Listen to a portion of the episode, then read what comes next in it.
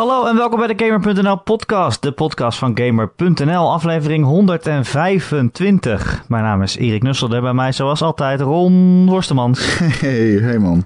En luisteraars. Terug uit Los Angeles. Terug uit Los Angeles, LA. Ik heb een jetlag. Oh my god.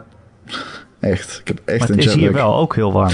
Poeh, yo, het is eh, 28 graden vandaag. Zondag. Ja, Ja, voor jou. dankjewel. Is de overgang Ja. niet zo groot. Ja. Ja, ja, ja. Ja, nee, goed. maar ik heb een hele erge jetlag. eh, maar het was het allemaal meer dan waard. Ruim meer dan waard. Wat een geweldige trip. Ja, nee, het was fantastisch. De laatste dag Zijn ben je er ook wel klaar mee dan. maar-? Nou, ik bedoel, weet je, ik zag mezelf terug in dat Power Unlimited filmpje en toen dacht ik wel, wauw, ik zou de 12-jarige mij nu echt een high five willen geven. Dat had hij fantastisch gevonden, weet je wel. Op de LA, met de pu en eh, op camera. En ja, dat is toch wel, eh, betekent wel iets. Het- je moet niet net doen alsof dat allemaal niks betekent. Dat zijn eh, mooie momenten in het leven. Dat is, kijk, de dingen die je vroeger tof vindt, die vind je misschien, die ontgroeien.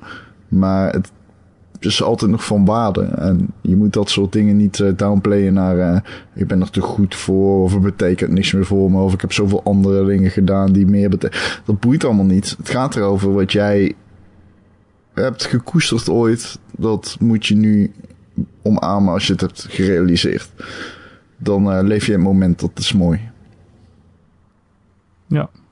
En, eh, en hoe was het daar? Want ik las allemaal berichten over dat het eh, de drukste E3 ooit was. Of misschien niet ooit, maar wel normaal gesproken 50.000 en nu 65 of zo. Ik had het er, eh, Het is toch wel flink. ja, ik had het er natuurlijk niet over gehad in de vorige podcast, omdat dat nog de persconferentiedagen waren. Toen was ik nog niet op de beurs zelf geweest. Ja. Uh, Daarom. maar dus Nintendo geeft een persconferentie en eh, daarna gaan we naar de beurs toe. En Nintendo stond daar dus met Super Mario Odyssey. En eh, ja, het, ik, het was zoals ik al zei inderdaad, de vorige keer hadden we het er al over van waar, wat gaat Mario op Nintendo allemaal tonen. Nou ja, het was gewoon de grote Mario show. En ja, ehm, het was op die stand. Was het zo, zeg maar, niemand weet aan waar je heen moet. Het was de eerste keer dat consumers toegelaten werden. En de eerste paar uur merkte je heel erg dat niemand wist waar ze heen moesten. Dus gingen ze maar naar Nintendo toe, omdat dat de tofste stand was. Nou, het was daar zo intens druk. Het was daar de Gamescom maal 10. Het was alsof je Ja. vooraan stond bij een, bij een concert. Het was alsof je vooraan stond bij een concert. Je kon gewoon, je kon gewoon geen kant op. Je was trapped. Er was een hoekje met Jeetje. Amiibo. Ja, je kon gewoon, of een hoekje. Het was midden, eh, eh, midden op die stand stonden een paar Amiibo. En als je daarbij probeerde te komen, had je gewoon pech. Want ja, iedereen stond op foto's. Ja, het, eh, ja, het was waanzin. Tweede dag, en met name de derde dag, viel het gewoon heel erg mee. Toen was het veel rustiger. Of het leek veel rustiger. Of het was meer verspreid. Ja, het was gewoon heel erg oké. En ik kon overal heen. En ik hoefde niet altijd uit te wijken van mensen. Maar het is ook, het is net alsof die mensen fucking, sommige mensen aan de druk zijn of zo. Dan blijven ze gewoon midden in de route van waar jij, midden in een gangpad, blijven ze stilstaan en gaan ze om zich heen staren. Terwijl er niks te zien is.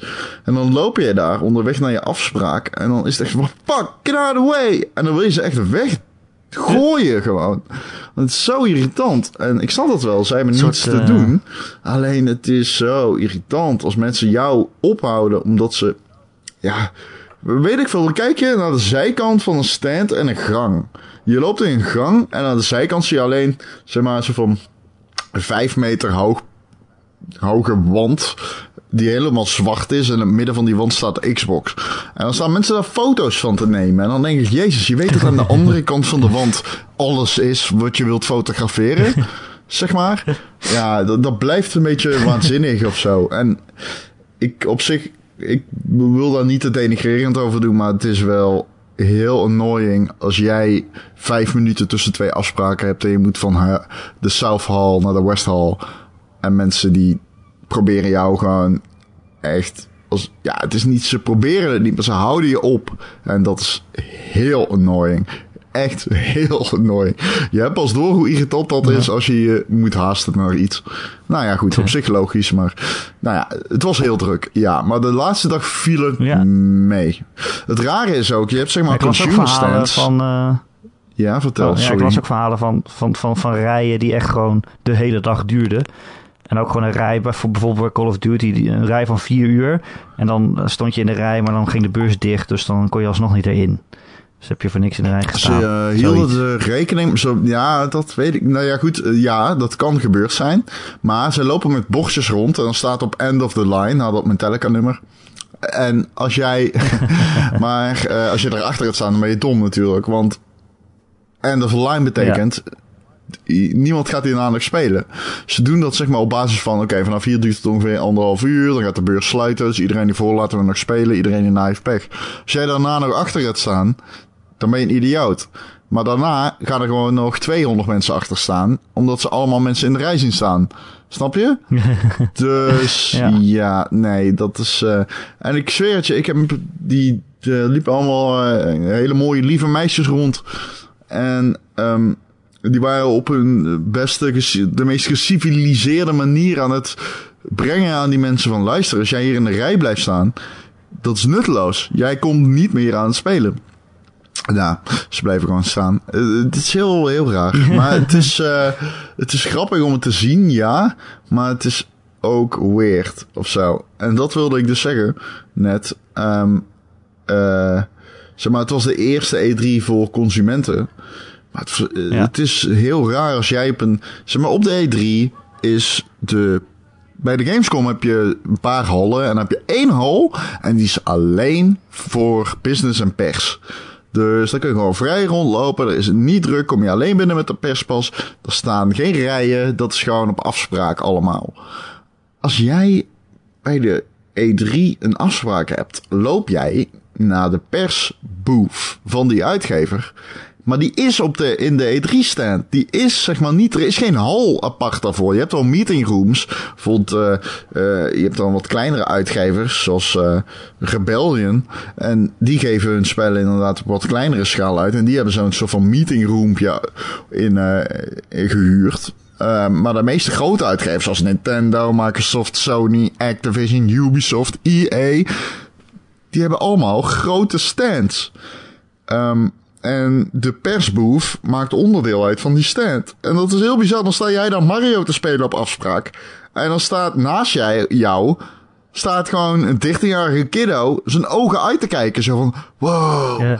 Wat is dit? Hier staat een guy die heeft geen, die, die is Mario aan het spelen. Hij loopt hier gewoon de booth op en hij kan gewoon spelen. En hij heeft een koffie en uh, die andere heeft een bier. en er staan allemaal meisjes om, rondom hem te lachen die dan zeg maar de, de, de, de demo geven.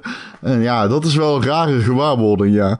Um, en dat was natuurlijk eerst zo bij de E3 ook, maar minder, omdat je geen consumenten hebt. En nu heb je dus mensen die ja, drie uur in de rij moeten staan, die zien jou erheen lopen en jij krijgt gewoon op een vergeven ja. moment een soort van privilegebehandeling. Ja, zo gaat dat, ja. Ja, ja. Nou ja, uh, het was heel druk, dat is duidelijk. Maar laten we het over de E3 zelf nog even hebben, Ron. Want uh, we hebben alle persco's gehad, behalve die van yes. Nintendo. Ja. Dus ik dacht, we uh, moeten er toch nog even over praten. Ja, we, weten, we hebben hem allebei op afstand vond. gezien natuurlijk. Ja, nou ja, goed. Ja, Heel veel mensen vinden Nintendo een, de winnaar van de E3. Ik snap niet waarom. Ik snap echt niet hoe je dat kan vinden. Serieus, ik snap niet hoe je kan zeggen dat dit de winnaar van de E3 is. Nou, Ron, ik zal dit zeggen. Ik uh, heb natuurlijk alle persco's gekeken en ik werd hier wel het meest blij van. Ik weet niet of je daarmee de E3 wint, maar ik werd er wel gewoon het vrolijkst van. En zo van, oh, ik ben echt blij dat ik een, Switch heb. Nou, dat is wat ik ook. Terwijl we eerst de hele tijd cynisch waren over dat apparaat. Van, oh, er komen geen games op uit, bla, bla, bla. Uh, maar ja, ik werd er gewoon echt heel vrolijk van. En misschien is ja. dat dan niet de E3 gewonnen. Hè, als nee. je gaat kijken naar wat voor games heeft Sony. En het, het is allemaal natuurlijk misschien wel indrukwekkender. Maar ja, ik weet niet. Ik werd er gewoon heel, heel vrolijk van. Nou, ik vond Sony, die heeft sowieso... Allemaal... Sony heeft sowieso niet gewonnen. Het was Microsoft of... Uh, of, um, of, uh, of Nintendo. Alleen. Um, nou ja, dat hangt er vanaf uh, wat je als, uh, als criterium voor winnaar doet. Is dat de beste show of de meeste verrassingen? Of is het gewoon de beste rij ah. games? Nou, wat E3, wat Nintendo. Maar, nou, als je echt heel erg kritisch kijkt, heeft Sony um, de minste verrassingen. Maar de beste AAA line-up ja. die exclusief is. Precies. Ja. Dus ik snap het wel. Al, dus ja. Nou, nee, nee. Je zou de enige. Ik, nou, als je kijkt naar de. Ik denk dat Microsoft heeft gewonnen op basis van de beste show. Nintendo, weet je wat het ja, is? En dat schreef ik ook in mijn. Ook. Maar dat schrijf ik ook in mijn previews. Het is gewoon Nintendo. Ik ben gewoon inderdaad zo fucking blij met mijn Switch. Maar gaan we deze koppeling al Ja. maken? Want ehm, kijk, zeg maar dat Nintendo een logo laat zien van Metroid Prime 4 slaat gewoon helemaal nergens op. Ik zweer het je. Ik zag die 4. Ik zeg meteen, oh, oké. We zaten al met z'n allen te kijken met alle eh, collega's van Game.nl, People. Ik zeg meteen, oh fuck, dat is Metroid Prime. Zul je zien dat ze alleen het logo laten zien. Maar ik zei het. En toen dacht ik, nou, dat doen ze niet echt. Nou, ze deden het gewoon. maar het Ja, is eigenlijk... heel raar. Maar het is nog veel bizarrer wat ze hebben gedaan met die nieuwe mainline Pokémon RPG. Er zit een guy met een raar. pen achter een bureau. en hij is een beetje zo van... Weet je wel, je- zo'n guy heeft tegen hem gezegd... Pak die pen en doe net alsof dit jouw setting is. Doe Ehm, alsof, je, alsof je aan het tekenen bent. alsof jij Alsof dit Pokémon oont. tekent. Precies. En hij, eh, ja, wat, wat ik zeg maar zie is vervolgens een guy die heel ongemakkelijk van de teleprompter af aan het lezen is. En op een gegeven moment zegt van, oh, Ja. trouwens guys, hey, we hebben ook nog een nieuwe Pokémon RPG. Uh, we weten nog niet wanneer die komt, in ieder geval niet dit jaar. Maar we hopen dat jullie er heel erg enthousiast Doei. over zijn. ik stond echt zo van, wow, is dit een nieuwe aankondiging van een mainline Pokémon RPG? Wat doe je? Zet op de body achter of zo. Wat is- Wat is dit? Oh ja. ja, super. Nou, weet je, ik denk ook niet, mensen worden natuurlijk niet enthousiast van het logo, maar wel gewoon enthousiast dat er überhaupt een Metroid Prime 4 gemaakt wordt. Want dat was natuurlijk nog maar even de vraag, hè. We hebben best wel lang zonder Metroid gedaan. En eh, dat die überhaupt gemaakt wordt, is, wel een grote aankondiging. Maar dat je dat vervolgens doet zonder iets te laten zien, is wel bizar. Dus ik begrijp wel dat mensen blij zijn dat die game überhaupt komt. Eh, maar ja, je, weet- je weet er nog helemaal niks van uiteindelijk. Ja, dat is wel raar. Eh, en ja, ze liet ook een nieuwe Kirby en een nieuwe Yoshi zien, eh Ja. Ron. Daar was er dan wel weer een gameplay beeld van. En eh het ziet er op zich aardig uit. Ik weet niet of je daar nou super enthousiast van moet worden, maar het zag in ieder geval wel cute uit allemaal. Toch? Oké. Eh, Simon appt mij. Kan ik meedoen? Zullen we hem even, zullen we hem even pauzeren dat Simon meedoet? Hij wilde heel graag Kan meedoen. dat? Ja, dat kan wel. Als de luisteraar genoegen neemt met dat we nu even dit gesprek afstoppen. Nu eh, even stedelijk afzetten en daarna verder gaan met eh, de nieuwe Kirby en zo. Met Simon erbij. Vergeven jullie ons dat, Oké. luisteraar? Nou, dan komen we Ah, de luisteraar zei ja. De luisteraar zei ja. Ik hoor het. Eh, Ik hoorde het. Oké, Nou, leuk. Dan nodig Simon even tot uit. zo. Ja, we zijn weer terug en ineens aangeschoven ook eh, Simon Zeilemans. Zeker. Onze, onze grote vriend, collega van eh, Inside Gamer en de Walljump podcast. Dat was Eh. mijn, enige voorwaarde. Dat ik dat zou noemen, dat je Simon nee, dat, ik, mijn enige voorwaarde was eigenlijk dat we een Peter R. de Vriesje zouden doen. Dat we niks over de Walljump podcast zouden zeggen. En dan helemaal op het einde dat Ron zei tijdens de afsluiting zo van... En eh, abonneer allemaal op eh, de Walljump podcast. En dat ik dan zou zeggen... Ja, maar dit was niet de afspraak, Ron. Ik zou hier eh 20, 20 minuten over Walljump mogen praten. En dan krijgen we reuring. Ja, wij hebben al heel veel shout-outs gegeven naar jouw hoor podcast. ze. Ik, weet niet of je Ja. het weet. Ik luister Ik jullie altijd, want jullie triggeren mij. Ja, het is andersom, kan ik je vertellen. Godverdomme. maar goed, dat terzijde. Ja, Hey, Simon. ehm, we zaten midden in Nintendo. Dus ik denk dat we daar maar gewoon moeten oppakken. Of niet, eh, Erik? Ja, dat denk ik ook. We hadden het net over ja, een nieuwe Kirby en een nieuwe Yoshi. Eh, Daar worden we op zich vrolijk van. Eh, maar of dat nou eh, hè, de grote klappers zijn, dat natuurlijk niet. Kirby word ik heel vrolijk van. Moet ik zeggen. Kirby is wel leuk, Ja. hè? Maar het is altijd zo ook. makkelijk, Ik ook die platformers. Ik ben een groot Kirby-fan. Het zag er gewoon leuk uit. Ik Ja, moet wel ik zeggen, nou, eh, Nintendo had wel... Ik weet niet of jullie alles zeg maar, chronologisch door zijn gelopen. Oh, dan zijn we al op het einde. Maar Nintendo had voor mij wel het moment waar ik het meeste psyched van werd. Is dat dat logo? Ja, Het is Prime het 4. logo. Maar had jij niet dat dat logo... Ja, Maar, dat logo was dom, man. Ik had iets meer gehoopt of zo. Ik vond... Ik zag die Ja. vier, ik dacht meteen, oh, het is Metroid Prime. Ik wist het ook meteen, zo van, oh, het is fucking Metroid Prime. maar toen ja. dacht ik, oh, better not fucking laat het alleen het logo zijn. En toen was het dat er wel. Nou, Ik, ik, ik van, fuck. ik heb in, in onze podcast een week of drie geleden gezegd... Het enige wat Nintendo hoeft te doen... is eh, eh, het, het deuntje van, Metro, van Metroid in de ruimte... En dan laten zien het logo van Metroid Prime 4 en dan stoppen. En dat is letterlijk wat er gebeurde. Eh, buiten het feit dat ze niet stopten, maar nog allerlei andere games hadden. Maar het is mijn overheersende gevoel een beetje van E3. De- Het is allemaal net niet. Alleen als het dan toch allemaal net niet is, laat het dan net niet Metroid Prime 4 gameplay zijn. ja, ik snap hem wel. Ja. Oké, ja. Nou ja, ik snap gewoon dat de aankondiging zelf al eh, reden is voor enthousiasme. Dat het überhaupt gemaakt wordt. Ja, Maar ja, van alleen de logo kan ik nou weer niet blij worden. Dus ja, ik ging uit mijn dak, zeg ik eerlijk. Redelijk. ja snap ik. Maar ja, ook een fanboy Ja, ik snap het ook natuurlijk. wel. ja, zeker wel. Ik snap het ook wel, maar het is, het is zeg maar...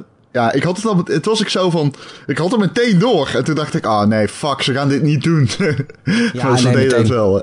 Meteen, je zag de, de sterrencluster, zag je al een beetje ook in het Metroid, het, het bliksemschikje van Metroid, zeg maar, vorm krijgen. En toen wist ik het. En, en ik, ik, ik, ik, ik heb een paar momenten gehad deze hele E3 dat ik wel redelijk lijp werd, maar niks was vergelijkbaar met Metroid 4. Ik werd trouwens ook wel, moet ik zeggen, ik werd het allerlijpste bij de aankondiging van Shadow of the Colossus 2. Tot ik dus doorkreeg dat de remaster was. Toen werd ik weer minder lijp. Maar de, Oh. die paar, die Ja, paar seconden ik dat zag niet meteen dat de rema... ja, was ik heel blij. Hey, ik heb nieuws voor jou, Simon. Het is geen remaster, het is een fucking remake. Een remake, ja, klopt. Ja, Ah, maar ik wist dat niet. Ik zag het en ik dacht, oh, het is een remaster, skip. ja. Alleen, Ja, die- het is een fucking remake. Nu ben ik er echt hyped voor. Want dat maakt Ja. wel different. Different. Ik noem het een remaster die van de grond ervan opgebouwd is. Mag dat ook? Ja, maar dat is niet hetzelfde, boy.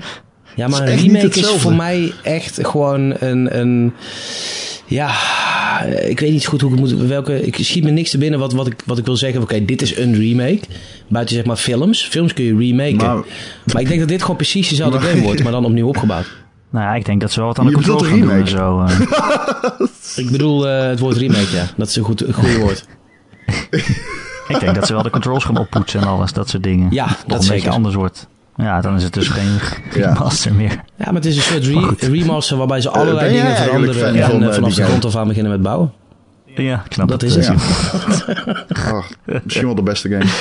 Ja. Eh, en eh, Nintendo eindigde met eh, allemaal eh, gameplay van Mario. Dat is toch wel echt waar ik echt super Oh, ik heb hem gespeeld. Het ziet er zo Hou leuk op, uit. ik heb hem gespeeld, hè. Ik heb hem heb je hem gespeeld. gespeeld? Je Je mag mij aanraken, ik heb hem gespeeld. Hoe was die rol? Want ik ben Ja, eh, geen een uitgesproken fucking Mario feest. fan, maar wel...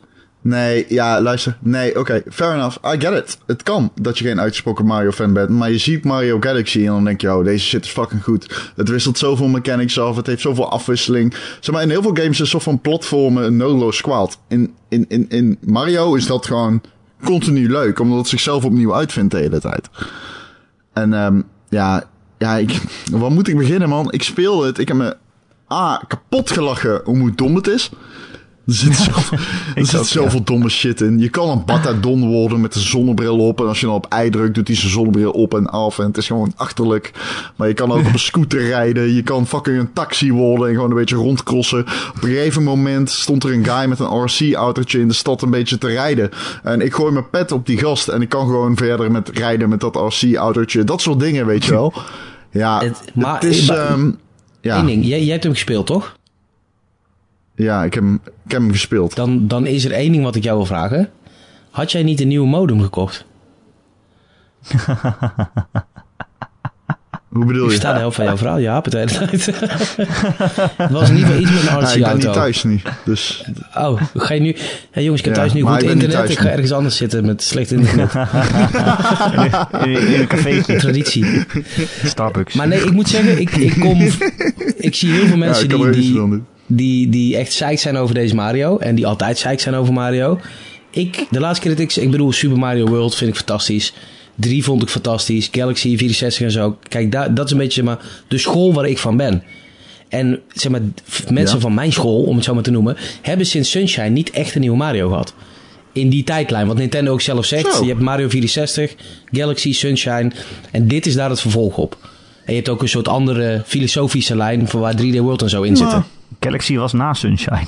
Ja, ja, oké, goed. Ik bedoel die tijdlijn, maar ik bedoel, zeg maar, Nintendo heeft voor zichzelf ook twee filosofieën bij het ontwikkelen van Mario. En ze zeggen ook, oké, de laatste die eh, ehm, eh, uit, de- uit de, de, de tweede lijn, zeg maar, waar dus 64, eh, Sunshine en Galaxy in zitten, daar is Odyssey een vervolg op. ja. En daar word ik heel enthousiast van, want dat zijn mijn Mario's, zeg maar. Snap je? ja, het is duidelijk echt Ja, zo'n uitgebreide dat- dat Mario met allemaal verschillende werelden en verschillende Ja. dingen om te doen. En je verzamelt dan geen sterren, maar maandjes of zo. En eh, ja, het ziet er allemaal zo lachelijk gek Ik uit. heb hier zoveel zin in, man. En ik, ik zag ook Ik ook. gisteren weer zo'n filmpje dat iemand ergens van een, van een, over de rand van het level liep. En eraf sprong omdat er een muntje hing en erin flikkerde. En toen kwam je in een geheime, eh, geheim gebied. Toen dacht ik, ja man, maar dit, dit is gewoon, dit doet me denken aan Mario, Mario eh, World op de Super Nintendo. Ik vind het fantastisch. Ik, ik, ik denk maar zo, als ik enthousiast ben over een Mario game, dan is de rest van de wereld tien keer enthousiaster en terecht.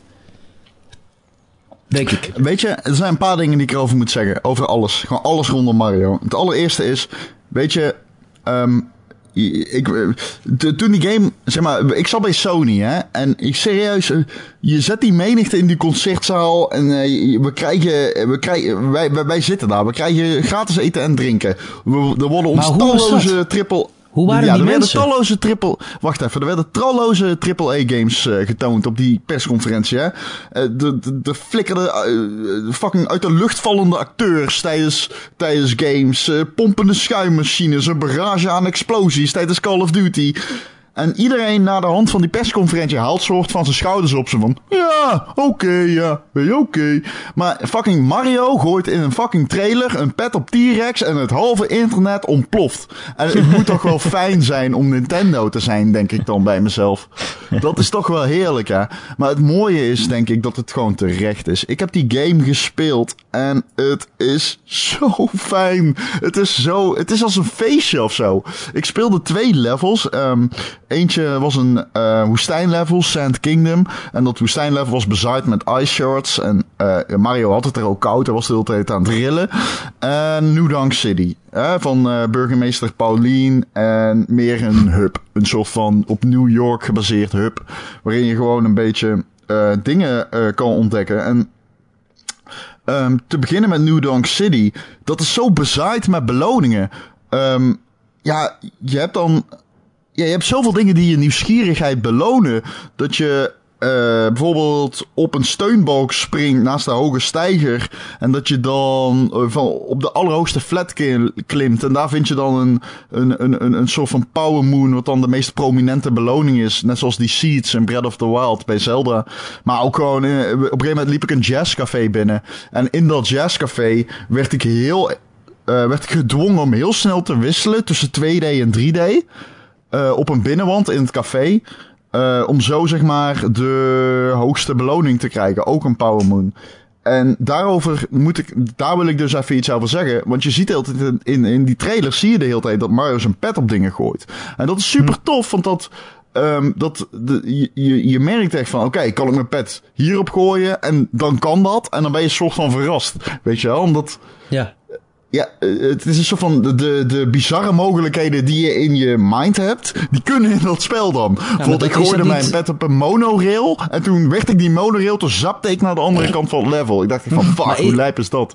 Is dat niet ook de filosofie waarmee Zelda The Breath of the Wild zoveel succes geboekt heeft? Dat is, dat is een game Ja, waarin, waarin als jij denkt, oké, kan dit? Nee, het kan vast niet. Oké, fuck me, het kan gewoon. What the fuck? Dat is wat Zelda zo goed maakt. Die Ja. vrijheid en, en die, die continue zo, oké, dit zou moeten kunnen, maar natuurlijk kan, oh wacht, het kan wel. Dat had ik, zo ervaarde ik Zelda nou heel erg ik- tenminste. Ik denk het. Mm, ja, ik snap het. Nou, ja, ik denk dat dat... dat maar Mario is natuurlijk iets lineairder dan Zelda. Nee, Dus natuurlijk, maar ik bedoel qua die- filosofie erachter. Weet je, dat ze zoiets hebben, hey, we doen dit, dit gameplay element erin. En we willen dat, dat de speler, als de speler kan bedenken, hey, kan dit? Dan kan het. Dan moet het kunnen.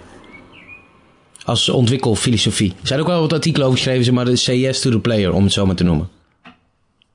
Ja, precies. Ja, nou ja, dat wel, ja. Eh, de- ja, nou to ja, zeker. En nu, Zelda belooft ook nieuwsgierigheid, weet je wel. Ja, ja, ja. Eh, maar Mario doet dat ook. En dat vind ik heel tof, want heel veel mensen spraken over een open wereld. Eh, Vergeleken met Super Mario 64, wat overigens geen open wereld is, Nee. maar hè, je hebt een hub. Ehm, maar dat is dit niet. Dit is geen open wereld. En volgens mij Nintendo blij mee? het zelf. Ja, ik ook. Ik Echt ook. Ik super dus blij. ook. Ja, Fuck ik ben er ook heel blij mee. in de Mario game. Dat ze nog nooit gehad Ja, hebben. doe maar- het, al- doe het goed. Nee, nee, precies. Juist, nee. Nou ja, we, eh, ja, nee, ja, nou ja, World dan. Maar verder, nee. Kijk, weet je wat Maar ik... World had hè? eh, Oh, die had toch geen eh, open wereld? Wat, wat ik heel erg tof... Hè? World had toch geen open wereld? Wat bedoel je nou? Nee, nee, nee, niet Super Mario World. Ik bedoel wereld. Maar ik had bij, ehm, ik had bij Zelda... het is heel heel verwarrend aan het worden. Oh, sorry. Nou ja, dat is niet de bedoeling. Anyways, Zelda, Misschien ja. val ik ook weg. Dat zou kunnen. Nee, ja, anyways. Ik heb bij eh, dat tweede level dus heel erg. En dat wil ik dus nog even belichten. Dat, dat is ook heel lineair. Eh, maar in het midden van het level staat dan een hele grote toren. En je weet niet echt wat de bedoeling is. Om die toren heen heb je winkeltjes. Op een gegeven moment, ik kocht een fedora, een Italiaans maatpak. Ja, Tuurlijk. je wel, gimmicky. Leuk. Obviously. Maar op een gegeven moment merk ik dus dat als ik een warpipe inga, weet je, als een groen ding, dat ik gewoon ingeladen word op die toren. En dat die toren een tweedimensionaal platformlevel is geworden. Ja, dat zeg is maar, dat circulair is, dus rond is. Ja. Het is ja, gewoon een link, link, echt, eh, link between worlds, nou? zeg maar. Je wordt echt op de muur Nou, in geprojecteerd, principe- ja. Ja, letterlijk. En het, bizarre was dat ik ook mijn zwarte fedora en mijn zwart maapak aan had. In die tweedimensionale wereld. En eh, ik sprong op Bullet Bills naar boven. En ik vloepte aan de, boven van, aan de bovenkant van de toren weer net zo makkelijk eruit. In 3D. En toen dacht ik wel echt van holy shit. De sheer amount of mogelijkheden. Die zeg maar mogelijk is met deze mechanic alleen al. Ja, fuck. Dit wordt echt een klassieker. Ik denk serieus dat dit een klassieker wordt. Want laat het- aan het- Nintendo om van twee van zulke dingen, je pad en dat switchen tussen 2 en 3D, gewoon een bizarre hoeveelheid aantal mechanics los te laten. Ik heb er echt zoveel zin in. Is dit gewoon wat Mario Galaxy voor de Wii was, gaat Odyssey voor de, voor de Switch betekenen? Dat denk ik. Ja, dat denk ik echt. Ja, dat denk ik echt. En dan heb Ja. je dus twee van zulke Ja. hele goede Switch games in één jaar. Hè? Met, met Zelda was ook gewoon dit jaar. Mag Ja. ik daar nog iets over zeggen Ja, dat trouwens? schrijf ik ook in mijn preview. Ja, Maar ik, ik, ik en Ron hebben natuurlijk, eh, hebben natuurlijk die ene notoire podcast opgenomen. Waarin we de Switch volledig met de grond hebben gelijk gemaakt. En Hij zegt expres notoire. Ik ja, ga wil. eh, oh ja, jij bent ook nog iemand die notoire anders uitspreekt. Maar eh, dat is weer een hele andere op een discussie. verkeerde manier. Ja. Ja, eh, Op de goede manier, ja, inderdaad. dat terzijde. Ik moet zeggen, ondanks dat ik nog steeds vind dat Nintendo echt weergeloos domme dingen doet. Heel vaak, die ik niet kan uitleggen aan Ja. niemand die Ja. virtual console, online, headsets, noem maar op. Ondanks al dat, dat alles, wil ik wel gezegd hebben, wat is de Switch? Een grandioze console. En het ziet er Ja, echt goed uit ook voor in de toekomst. Niet normaal. ja. Nou ja, console. Het is gewoon een grandioze handheld. En ik, ik denk dat, ja... ik denk dat third parties... eh, op, op de, hij heeft maar 2 miljoen keer verscheept. Oh, Eh, fuck is- third parties, man. dat is wie, wie heeft, niemand heeft het nodig. ja, op een gegeven moment heb je het dus wel nodig. Want op dit moment is Nee joh, als je kijkt wat er nu aankomt. Kirby, Yoshi, Metroid Prime, Fire Emblem Warriors. Er komt een Fire Emblem strategy game aan. Zelda, Mario, ARMS komt eraan. Splatoon 2 komt, er staat om de hoek. Al die shit is genoeg om, om de Switch tot een succes te maken. Ik denk dat er gewoon eind volgend jaar meer toppers op zijn dan op de Wii U. En eh, kijk, weet je wanneer deze console echt hard zou zijn? Is als je de Assassin's Creed en alles erop kan spelen. Zodat Ja. mensen met Ja, alleen een Switch niks tekort komen. En inderdaad die games onderweg kunnen spelen. Maar de Switch is niet, eh, is niet, eh, niet dat, dat, dit nu, dat ik nu weer een heel relaas over de Switch opgehangen en de, de bedrijfsstrategie van Nintendo. Maar mensen willen deze console ernaast hebben. Heel veel mensen, buiten de echte diehard fanboys die, die niks anders in huis wil halen. En daarvoor, eh, de Wii was, had dat ook kunnen zijn, de console voor ernaast. Alleen was het niet interessant genoeg. En de Switch, man man, wat een ongelooflijk goed apparaat is dat aan het worden zegt. Tering wilde ik zeggen, maar ik weet niet Ja. of dat mag jullie. Maar had jij het van tevoren geweten dat met al die eh, beperkte functionaliteiten... Nee, het komt gewoon omdat die games zo vet zijn. Ik heb, op de, ik heb in het vliegtuig Zelda gespeeld. En ik zweer het je, als Ik geen Zelda had gehad... was die vliegreis 80% kutter geweest. Nee, maar ik weet je, Omdat- dat was mijn, mijn, mijn, mijn, mijn eye-open moment. was de eerste keer dat ik in een vliegtuig stapte en Zelda aanzette. En dat ik echt dacht van holy fuck, ik ben gewoon een console-ervaring in het vliegtuig gaan doen. Dat was gewoon Het fucking is dope. niet normaal. Nee, Ik had dat je drie powerbanks bij me. Ik had er maar Ja, één nodig. Want ik had er ook een bij, ja. het, ja, ja, ja, maar ik had al drie meegenomen. Ik dacht, nou, dan kan ik die hele fucking heen rit. Ik had- moest 15 uur vliegen. Ik, fucking, ik ga heel diezelfde game gewoon in één keer er doorheen geragen. Maar ik kon het gewoon op één powerbank doen. Gruwelijk, en hè? ik heb me de ballen uit mijn broek van gemaakt. Wat een fucking vette game. En dat is echt Maar de insane ervaring alleen al is. is, in het vliegtuig dat doen. Mag ik iets heel anders vragen? Ik weet natuurlijk niet, eh, ik heb natuurlijk een hoop gemist waarschijnlijk, wat jullie voor mijn komst hebben besproken. Nou, dat valt mee. Oh, oké. Jij noemde het eventjes rond het publiek bij Sony. Ik heb mij daar zo over verbaasd dat eh, ik zat de persconferentie te kijken en ik heb echt persconferenties gezien die tien keer slechter waren. Ik heb bij persconferenties gezeten op E3 die tien keer slechter waren, waar het publiek alsnog op zijn minst Ja. een soort van enthousiasme toonde. En dat was niet te merken op de stream. Sommige mensen zeiden volgens mij is de audio van het publiek veel zachter. Hoe was dat? Wa- Was het inderdaad dat iedereen als een dode lul daar zat? Oh nee, Of- mensen werden gek. Nee. Ja, nee, wel, dan was het dus gewoon de helemaal audio gek. op de stream. Ik vond het irritant. Ah, oké. ik vond het fucking irritant. Ik Ja. vond het echt super irritant. Voor mij was iemand die werd gewoon, die was in mijn oren schreeuwen. Woo, Sony! David Cage, David Cage, hero. Ja, ik Dave. Nee. Ja, Dave. Boy, ik ga, we kunnen zo los over dit. Maar in ieder geval, het was fucking annoying, man. Het was echt niet cool, man. Het, er zaten zoveel mensen te schreeuwen. Maar het ding is, er zitten journalisten, van wie ik weet dat ze fucking journalist zijn, die gewoon bijna voor hun stoel afglijden als fan. En dan denk ik van, ja, oké, dat is oké, maar hou het voor je, weet je wel. Ik Probeer nog enigszins mate doe van objectiviteit. Ja, dat Ik weet zat, ik ook, jij ik zat ook bij Destiny en alleen bij Destiny 2 bij de reveal dat er iets vets was dat ik dacht, oh damn, en dat zeg je dan iets harder. En ik heb bij, bij Shenmue en bij Final Fantasy 7 toen die aangekondigd werden, heb ik ook een, een vreugdekreetje niet kunnen onderdrukken. Ik ben, ik ben even als journalist, alleen ik neem dat nooit zo, nou, zo serieus in de zin van ik ben ook first and foremost gewoon een enthousiaste gamer. Die Ja, ik helemaal ben lijkt first and foremost journalist als ik bij een fucking Ja, persconferentie nou, zit. dat is misschien wel Ik een beetje verschil maar, tussen, tussen ons. Ik probeer doe wel als- nog enige mate... Maar ook als je niet objectief bent, weet je wel. Probeer in ieder geval... Kijk, je, natuurlijk, niemand is helemaal objectief. Maar tracht het te zijn als je Ja, naar maar luister, gaat. als ik ergens ga zitten en, en, en, en dan heb ik het over vorig jaar of twee jaar terug, ik weet niet eens meer wanneer. En iemand gaat nu tegen me zeggen, oké, we hebben nog een dingetje. En ze kondigen de Final Fantasy 7 remake aan. Ja, dan kun je er donder op zeggen, dan kan ik honderd keer journalist genoemd worden. Maar ik ga een lijp uit mijn plaat.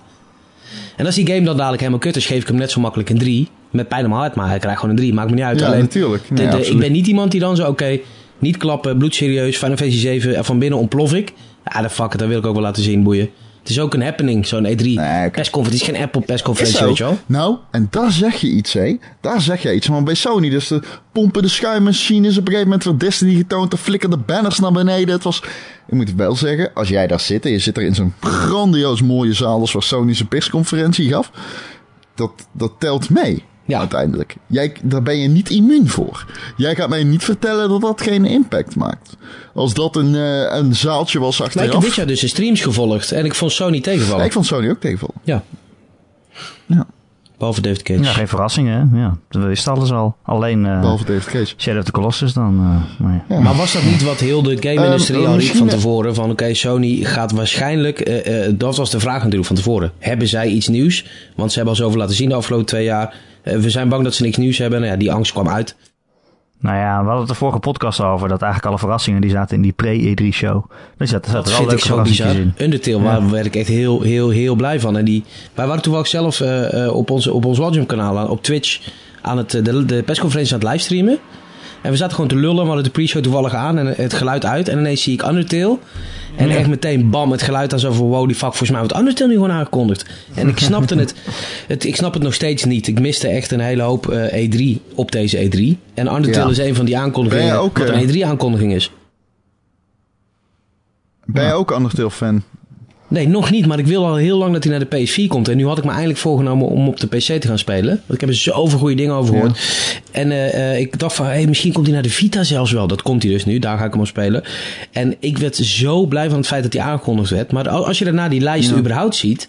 eh, Nintendo deed hetzelfde. En na die Nintendo Direct kondigen ze eventjes die, die, die 2D Metroid aan, weet je wel. Dan denk ik van, wat de fuck, waar Ja. is de Ja, E3 ja, ja. heen die ik ken? Waar is zo'n awkward guy die Undertale maakt, het podium opschuifelt en zegt... jongens, bedankt, we brengen hem naar PS4. Crowd goes wild, fuck Hey. it, en door. Wil je nog bizarder horen? De, de, bizarrer horen. Ik heb er helemaal niet over nagedacht, eh, Erik. Ik, ehm, ik begon erin. Ik lag in bed en toen begon ik zeg maar, de- nadat we het op hadden genomen, de persconferentie soort van in mijn hoofd na te spelen. En toen kwam ik er opeens achter dat dit volgens mij de eerste persconferentie is op de E3 ooit, waarin maar één iemand op het podium stond. Ja, John Leden alleen. Ja. En daarna trailer naar Dat was de trailer. eerste ja, keer, volgens mij. Nintendo Direct eigenlijk. Ja. Het was een beetje als... Dat is eh, als gebeurd. Microsoft had het heel erg ook. Alleen niet zo erg, maar wel bijna net zo erg. Nee, Microsoft had er wel gewoon die guy van Forza. ja, eh, ja, zeker. Wel veel Showcaster minder. Minder dan normaal. Even, by the way, als jij een game hebt die draait om competitiviteit en je denkt erover na om een shoutcaster in je trailer Wow. te stoppen, maar je wilt het nog meer forceren en je wilt die shoutcaster live laten shoutcasten tijdens de presentatie, echt serieus, stop met was- ontwikkeling en ga bij, weet ik veel, een snackbar werken. Er was echt heel veel kut deze E3. Ik weet niet eens meer hoe die game heet ook. Het was zo kut. Er was heel Ach. veel kut. Helaas. Eh, over heel veel Oh. kut gesproken, Ron. Jij hebt eh, die nieuwe game van, die van David Cage gespeeld. eh, ik ben er nu gewoon bij, hè, jongens. Jullie triggeren mij nu terwijl ik er gewoon bij zit. Ja, ja, ja, jij dat kan niet. Ja, Moeten wij even uitleggen... ik zal even uitleggen aan de, aan de luisteraars... dat ik Ron elke week app boos...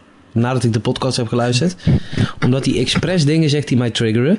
Een van die dingen is dat hij... en Erik is er ook schuldig aan...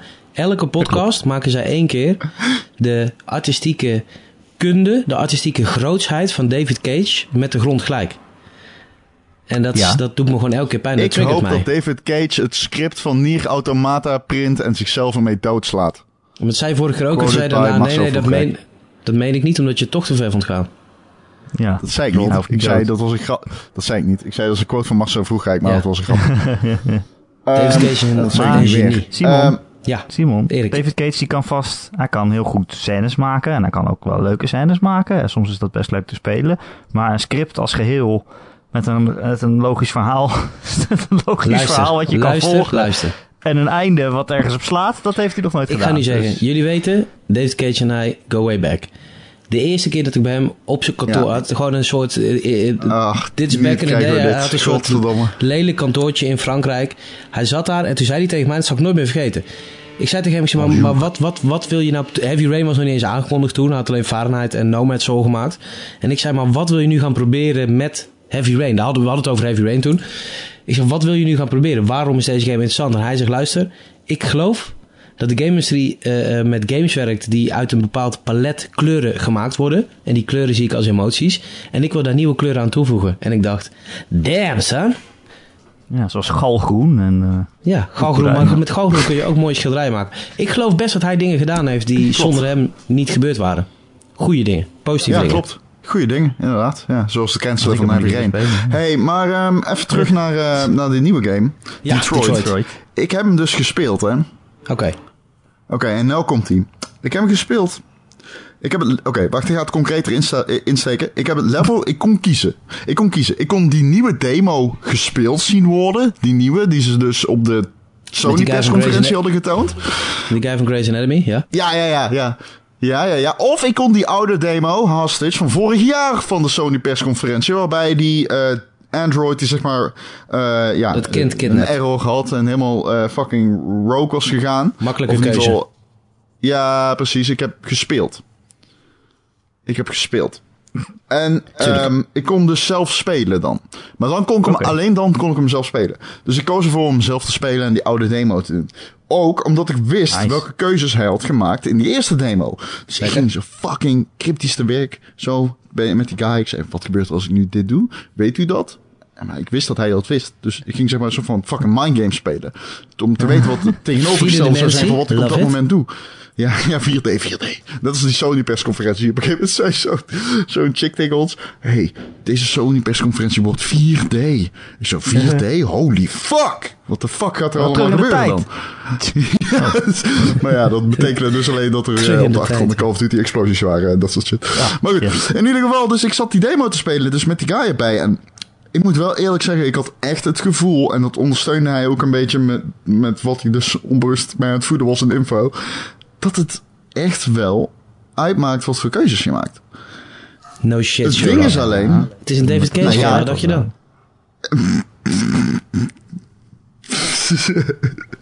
oké, ja, laat maar. Ik laat deze gewoon inzinken hoor. Ik ga je niet eens, deze ga ik niet eens een vervolg geven op nee, deze dat hoeft comment. ik absoluut niet. Nee, maar het, het ding was alleen... Het is nog altijd de vraag hoe dat zit op lange termijn. En ik zei dus tegen hem van... maar Oké, wat dan als ik dit doe? En toen zei hij... Nou, dan gaat tot character dood... En dan zie je die niet meer terug in de game. Dan zeg ik... Oké, maar ik zie die niet meer terug in de game... Maar wat voor rol zou die kunnen hebben in een andere game? En dan zegt hij... Ja, dat zeg ik niet. En dan denk ik... Oké, ja. Dan is er misschien een cutscene waarbij zij opeens in het publiek staat... En anders niet. Maar ja, hoe gives a fuck? Dus ja, ik begon er heel erg op in te haken. al die main characters ook dood, hè? Ja, dat vond ik fucking maakt Ja, klopt, maar dan had het ook geen. Maar dan had het. Nou ja, het- uiteindelijk, uiteindelijk was je gewoon gebonden aan de wil van de game. En dat had nul. Jouw, jouw keuzes hadden daar uiteindelijk weinig impact op. Wat is dit nou weer voor Op het een einde dan. Dat Hoezo klopt niet? Ron. Dat is niet waar. Nee Ron, Nee. Erik en ik zijn gewoon David Cage was, dan fans. kon je Accepteer de, dat. dan kon je de, hier- dan kon je de slechterik nou niet, niet verslaan als je niet genoeg mensen levend had. Nee, maar ik- oké, Ik fair enough. Maar ik bedoel meer. Nee, maar er waren heel veel dingen in Heavy Rain waarop jij geen invloed kon hebben en die wel gebeurden. Ja, je wilt toch een verhaal Ja, hebben eh, uiteindelijk. Ron, ja. natuurlijk. Ja, maar er waren ook dingen die nergens op sloegen. Zoals die guy die met de... nee, zoals het die- is, i- i- het met- is 1 tegen 2. Hou Nee, op met bullshit. je Cage-haat. Erik Nee, komt nu zoals tenminste, laat hij die zijn ware kleuren Zoals zien. met die kassa. Nee, nee, nee. Jawel, Erik is gewoon een Cage-fan zo- die niet tegen het jou in de moment met die kassa. Leg even uit, leg even uit. Leg even uit, het moment met die kassa. Wat gebeurde daar? Picasso? Op een gegeven moment dan sta je in die winkel als die Bisbee, Bilby of whatever de guy, hoe die guy heet. En eh, iemand gaat dood in die winkel en jij loopt erop af. Alleen jij hebt die guy wel vermoord. Dus dat moet je me even uitleggen hoe dat dan kan. Dat heb je dus niet Hij gedaan. hij... Dat is de plotwending. Oké, leg het. Het is een plotwending, Ron. Ja, die niet kan. Ron. Maar het is een plotwending. Hij is met zijn hoofd tegen geen kassa aangestruikeld. En jij bent zo verknipt dat je jezelf aan gaat praten dat jij het was. oh, Oké. shit. Ja, zo werkt dat. en hoe zit het met die guy die origami... Nee, die eh, heeft gewoon een kassa Die guy die wakker wordt met origami in zijn hand? Dat is een metafoor voor hoe ingewikkeld en in elkaar gevouwen het leven soms kan zijn op de moeilijke momenten. Oké, maar snap je wat ik bedoel met als zo'n guy tegen mij zegt... Ja, deze persoon die eh, zie je op een gegeven moment niet meer terug en deze zie je niet meer terug. En dat heeft die en die invloed daarop dat ik denk... Ja, oké, maar, Nee, kijk, kijk, kijk, in de grand scheme of Jouw redenatie is nu, ja, maar dit kan zo zijn. Dat kan zo zijn. Dan kun je, je kunt Heavy Rain kun je beoordelen op wat was. Maar je kunt niet bij deze game, als die guy zegt van, ik zeg niet wat zijn rol is. Dan kun je inderdaad zeggen, oh ja, maar zijn rol kan dus heel klein zijn. Maar eh, iemand anders met een, een, een glas half vol met die tijd zegt, oh, zijn rol kan super groot zijn. De waarheid is dat we alleen Ja, ja. weten dat Dus vroeg Cage het. briljant is. En verder is moeten afwachten tot eh, Detroit Ja. uitkomt. Dat Nou, weet niemand. ook goed, los van het feit dat jij bent ingepakt door die guy tijdens een interview. Wat ik wil gewoon zeggen wil. Wat ik gewoon wil zeggen is. Ik was best wel verrast door de gameplay. Waarin. Het was zeg maar een hostage situation. En van tevoren kun jij de omgeving onderzoeken op zoek naar clues. En ehm het stilistisch is het echt fucking vet. Je kunt. ehm eh, als je bijvoorbeeld een bewijsstuk vindt, zoals een gun, dan kun je helemaal terugspoelen hoe die gun is opgepakt door die guy en wanneer die geschoten heeft ermee. Dat zie je in een soort van tijdlijn. En op die tijdlijn zie je dan met gele stipjes eh, wat extra aandacht verdient. En als je dan op ei drukt, kun je dat weer verder onderzoeken. En dan laat hij weer een nieuwe scène in, waarin je dat dan weer in detail ziet. Het is een soort van super gedetailleerde CSI-aflevering, wat ik super eh, tof vond. Wat ook tof is, hoe meer details ik verzamelde over de dader, hoe hoger mijn slagingspercentage was tijdens die eh, hostage situation. Dus op een gegeven moment ben ik eh, die hostage situation ingegaan met 79%, 99% slagingskans. En, ehm, Toch ging het mis. Ja, ja, nee, nee, nee. missie Op een gegeven moment gaf ik dus foute antwoorden. En dat waren antwoorden die in mijn optiek goed waren. Ging het, weet je wel, dan zegt hij van reason with. Dus dat doe ik dan. En dat, daarvan zou je zeggen, maar oké, dat is altijd goed. Behalve als je gewoon de realiteit wil horen. Maar ook dan lijkt me reason with geen eh, mogelijkheid waarmee je je percentage enorm omlaag haalt. Daalt het naar 50%. Want ik weet, ah, oké. Nou, dus laten we niet meer redelijk zijn. Dus, dus toen begon ik alles te gooien op het, eh, op het lieflijke. En eh, op een gegeven moment kwam ik dus inderdaad uit op 100%, terwijl ik dichter bij hem liep. En eh, die guy laat dat meisje los. En hij zegt, do you, can I trust you? Op het einde. Terwijl, net nog voordat hij dat meisje loslaat. En ik zeg, ja, natuurlijk kun je mij vertrouwen. Ik ben gewoon een goede guy. En dan laat hij dat meisje los en 20 snipers schieten hem door zijn hoofd heen. dus dat was echt heel erg vet. En toen dacht ik af, oké, als je dit vast kan houden. En je geeft mij het idee dat dit niet zo van in een fucking ehm bottleneck gestopt wordt. Waardoor ik gewoon toch alsnog een lineaire game heb gespeeld zonder dat ik het zelf door heb. Dan vind ik het tof. Zonder de holle symboliek en, de, en, de, en, en, en, en zo. Dan, dan, dan heb ik hier echt zin in. Eh, dus wat dat betreft heb ik best wel zoiets van laat deze game maar komen. Je kan het tegendeel bewijzen nu. Maar dat is wel een ding. Cage moet klinkt- het tegendeel bewijzen.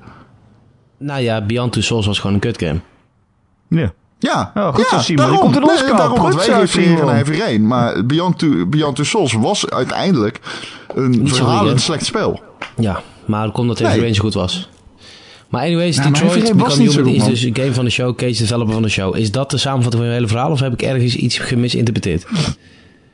Nou ja, het is absoluut niet de game van de show, maar het is wel een betere game. Het kan een betere. Laat ik zo zeggen, dat hele research wat aan die eh, scene vooraf ging, die in die trailer werd, eh, uit de doeken werd gedaan, was heel erg vet. En ook wat ook vet is, je loopt zeg maar op die guy af en je kan zelf bepalen hoe je op die guy afloopt. En op een gegeven moment trapt hij zeg maar een stoel aan de kant. En dat doet hij zeg maar heel erg rustig en heel bekwaam. En ondertussen zijn die gezichtsanimaties heel erg strak. En uh, uh, ik had toen wel echt zoiets van, wow, dit is qua animaties en stilistisch gezien, is dit wel echt, zeg maar, alleen al zou je, dat zou voor mij al een reden kunnen zijn om deze game te willen spelen. Dus ik heb er nu heel veel zin in. Ik hoop alleen niet dat ik aan het einde van die game in mijn bek gescheten word door David Cage. Ja, dat zou altijd vervelend zijn. Ja, ik geloof, ik, ik, ik ga nooit, laat ik wel zeggen, ik ga nooit blind van de kwaliteit van zijn games uit. Want dat heb ik bij Beyond ook niet gedaan. En dan dacht ik van, nou, het kan zeker tegenvallen. En uh, uh, daar heb ik expres ook niks van, ik, op een gegeven moment was hij met Beyond bezig. Toen heb ik daar in, in, bij Quantic Dream in een soort bioscoopzaaltje gezeten. Zo, ja, ik ga even een scène laten zien. En ik wilde die scène niet zien. En ik dacht, hoe ga ik dit doen? Dus ik heb de hele tijd, als hij niet keek, heb ik gewoon weggekeken. Want ik wilde eigenlijk niks van die... Het was heel fucking awkward. Die duurde echt 20 minuten. Was die scène in de sneeuw met dat babytjes nog weet. Maar ik was de hele tijd gewoon naar hem aan het kijken. Zo van, oké, zodra hij naar mij kijkt, kijken we weer terug naar het scherm, zeg maar. Dat is echt fucking awkward. Maar ik ga van Detroit, wil ik, wil ik precies hetzelfde. Wil ik gewoon niks meer zien. En ik ga ook niet blind ervan uit van, oké, de man is een genie. Uh, dus het gaat super vet worden. Ik denk, hij is in staat tot hele bijzondere dingen. Wat hij voor mij met Heavy Rain bewezen heeft. En ik denk dat Detroit het kan zijn, maar het kan ook helemaal kut zijn. Daar ga ik wel zeker van uit. Uh, Ron, stilistisch wordt het top, in ieder geval. Ja. Je hebt ook uh, de nieuwe Destiny gezien. Gespeeld, denk ik niet, maar gezien. Hey, ah, ik, heb de, ik DM'de Simon nog van... wat heb jij nou precies gezien in L.A.? of in Seattle? Ik weet niet meer, een van de twee. L.A. LA. Um, en ik had precies hetzelfde gezien. En oh. ik heb het alleen gezien op de PC. Op E3. En de... Uh, was, sorry, wat op E3 was hetzelfde aanwezig als wat ik in LA gespeeld heb. Oké. Okay. De ja, eerste missie, eerste story missie, een strike en ja. uh, PvP. Een countdown, uh, de nieuwe modus. Oké, nou ja, vooropgesteld die strike missie, of die, sorry, die eerste missie, als die in Destiny 1 had gezeten, was dat de meest cinematische missie van allemaal geweest. Het is de Taken King eerste missie gewoon geremixed, lijkt het wel. Gewoon geremasterd. Ja, maar wel vetter, wel vetter. Taken King ja, inderdaad zeker, was vet, met die muziek en die escape, escape zijn er maar wel... Ja, maar wel nog vetter, zeg maar, qua dat, uh, hoe heet dat, wie was dan? Die, die Balla of zo, die op die... Uh, wie, ja, ja, ja, ja, die op die... Of bedoel je de, train, de ex-trainer van NEC, welke bedoel je? Die ballen, ik zei het. Die of Savalla? ik zei het echt. Sorry. Ja, ik bedoelde van jou. Ik weet nog steeds niet hoe ze heet. Maar het was heel vet. Oh, je bedoelt die uh, Warlock... Um... Ja, je die. Jezus. Ik heb zes pagina's voor de puur over die game geschreven en ik, kom er eventjes niet op. Savala. Ja, in ieder geval, het uh, loodt je op plekken langs de tower waar je in deel 1 heel vaak bent geweest. Maar het toont ook segmenten van... Het is een hele symbolische missie. Hub. Ja, en um, dus, dus je komt langs al die plekken en dat is vet. En je ziet het vernietigd worden, dat is vet. Uh, maar het was een van de meest cinematische missies. Nou, het was gewoon de meest cinematische missie van allemaal als je ze in Destiny had gespeeld. De Taken King had er ook een paar uh, richting het einde. En inderdaad het begin. Maar dit was zo vet. Maar goed, ik wil even naar wat op de PC was, zeg maar. Um, Mag ik één ding zeggen, nog even van tevoren, voor erin gaan? Ik, ja, ik moest, ik, volgens mij ik luister heel veel podcasts, dus nou begin ik twijfelen. Volgens mij hoorde ik het bij jullie. Hebben jullie het vorige week al over Destiny gehad? Dat jij het vergeleken met een soort van Halo vervolgen? Of was het gewoon een totaal andere podcast? Nee, ik zou het nooit durven te vergelijken met Halo. Oké, maar ik zal het even zo brengen dan. Mijn probleem was, en ik, appte, ik, ik heb voor de Power Limited, die, die eind juni in de winkels ligt, de cover story geschreven over Destiny 2. En ik was bezig met dat stuk en ik, ik appte eindelijk, zeg maar, of ik appte eigenlijk de groep, de, de, de, de Slack, zeg maar, van, van Paul directeuren van, hey jongens, hebben jullie voorbeelden van goede en slechte sequels? Want ik kon in, in, met het oog op Destiny, ik heb 2000 uur in Destiny zitten en ik kon gewoon niet meer helder nadenken van, hey, wanneer is een sequel nou, biedt het genoeg en wanneer niet? En ik heb het antwoord niet gevonden tot laatst, zodat ik dacht van, het ding met Destiny is, wij hebben nooit een Destiny 1 gekregen.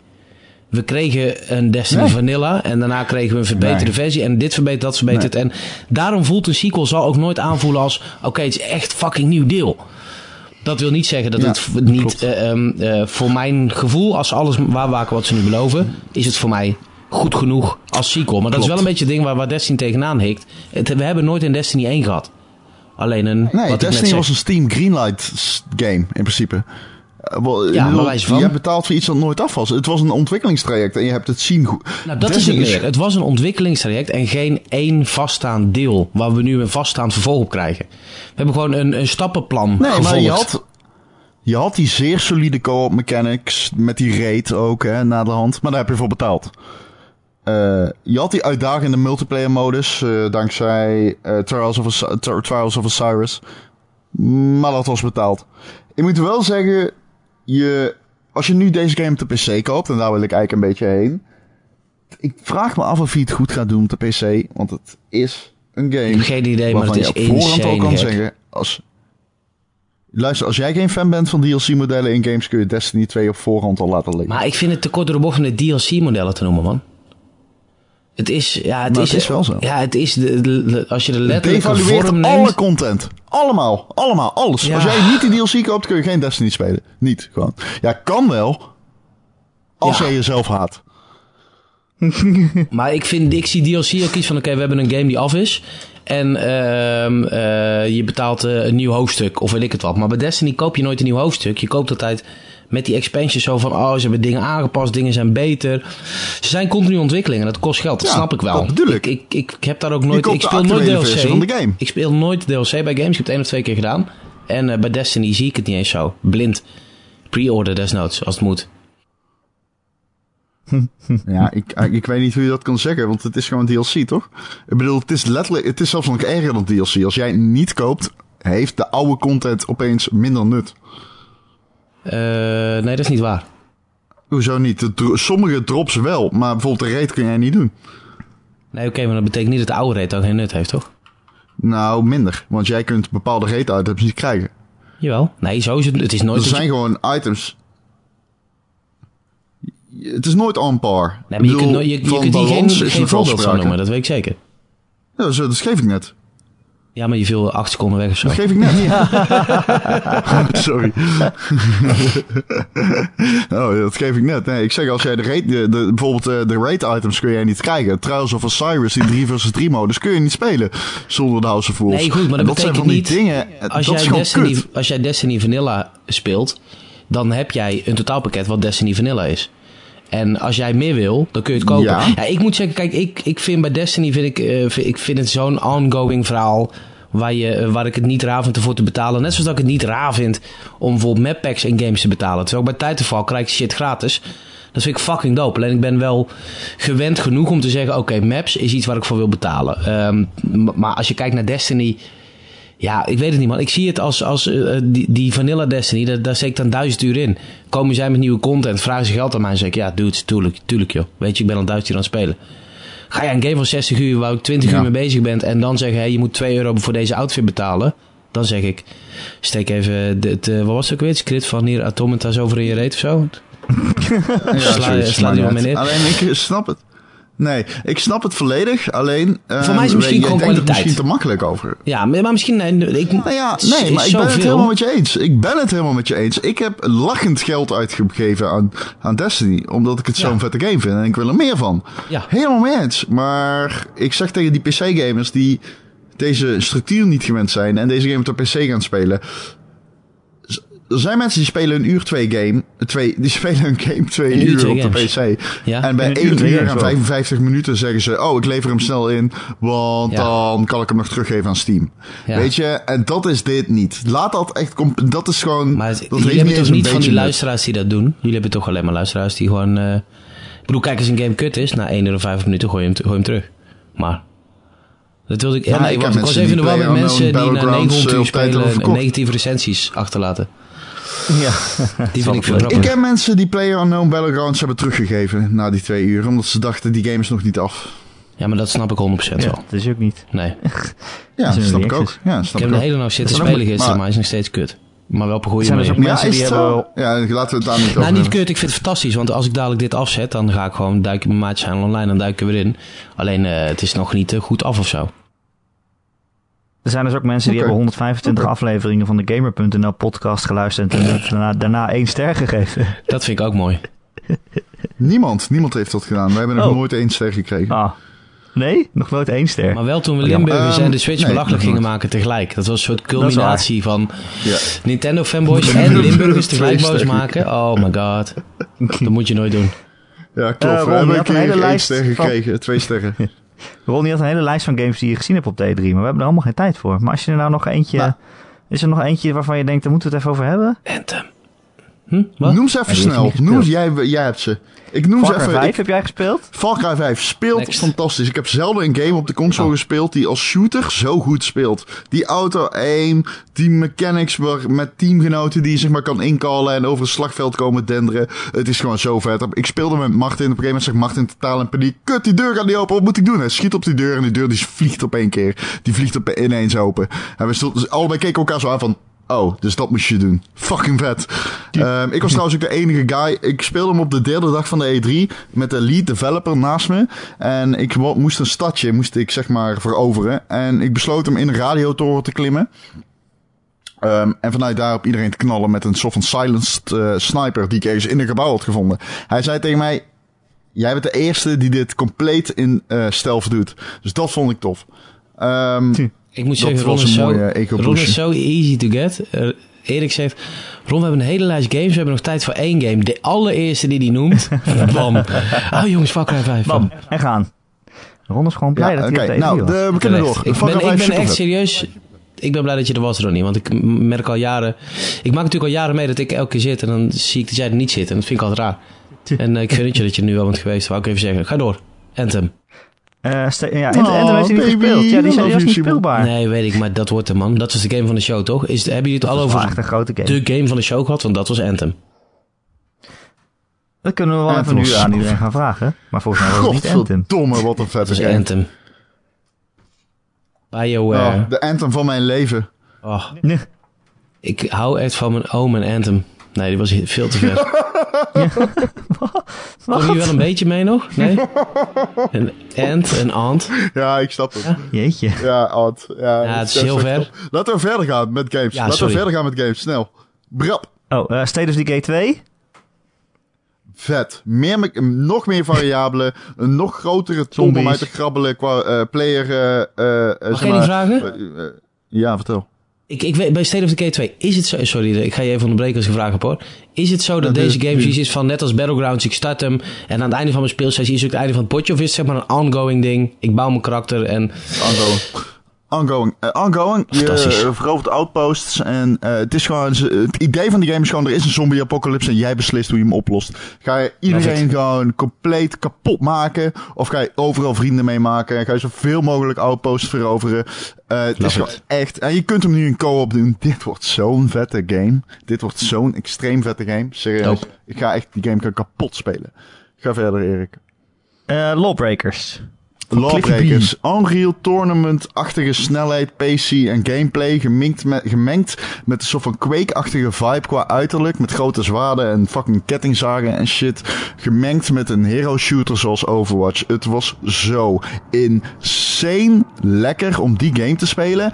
Echt, ik speelde een 10 minuten. Ik had vier personages gehad. Ik wist precies hoe ze moesten. En ik was binnen de kortste keren de meest zieke dingen uit mijn eh, controller aan het toveren. Het enige ding met die game is, de skill gap is echt gewoon Call of Duty maal 80. Als jij slecht bent in shooters en je gaat dit spelen, word jij online helemaal kapot gemaakt. Het is echt, Oké, het biedt dus jou alle mogelijkheden om gewoon extreem goed te worden in bepaalde mechanics. Ja, het, het is super vet. Simon valt van zijn stoel vet. Het had een Ja, ja. Simon die wordt helemaal gek. luide Die trilt van zijn stoel af op dit moment. Ja, Over, over Call of Duty gesproken. maar ja, Call super of. Duty.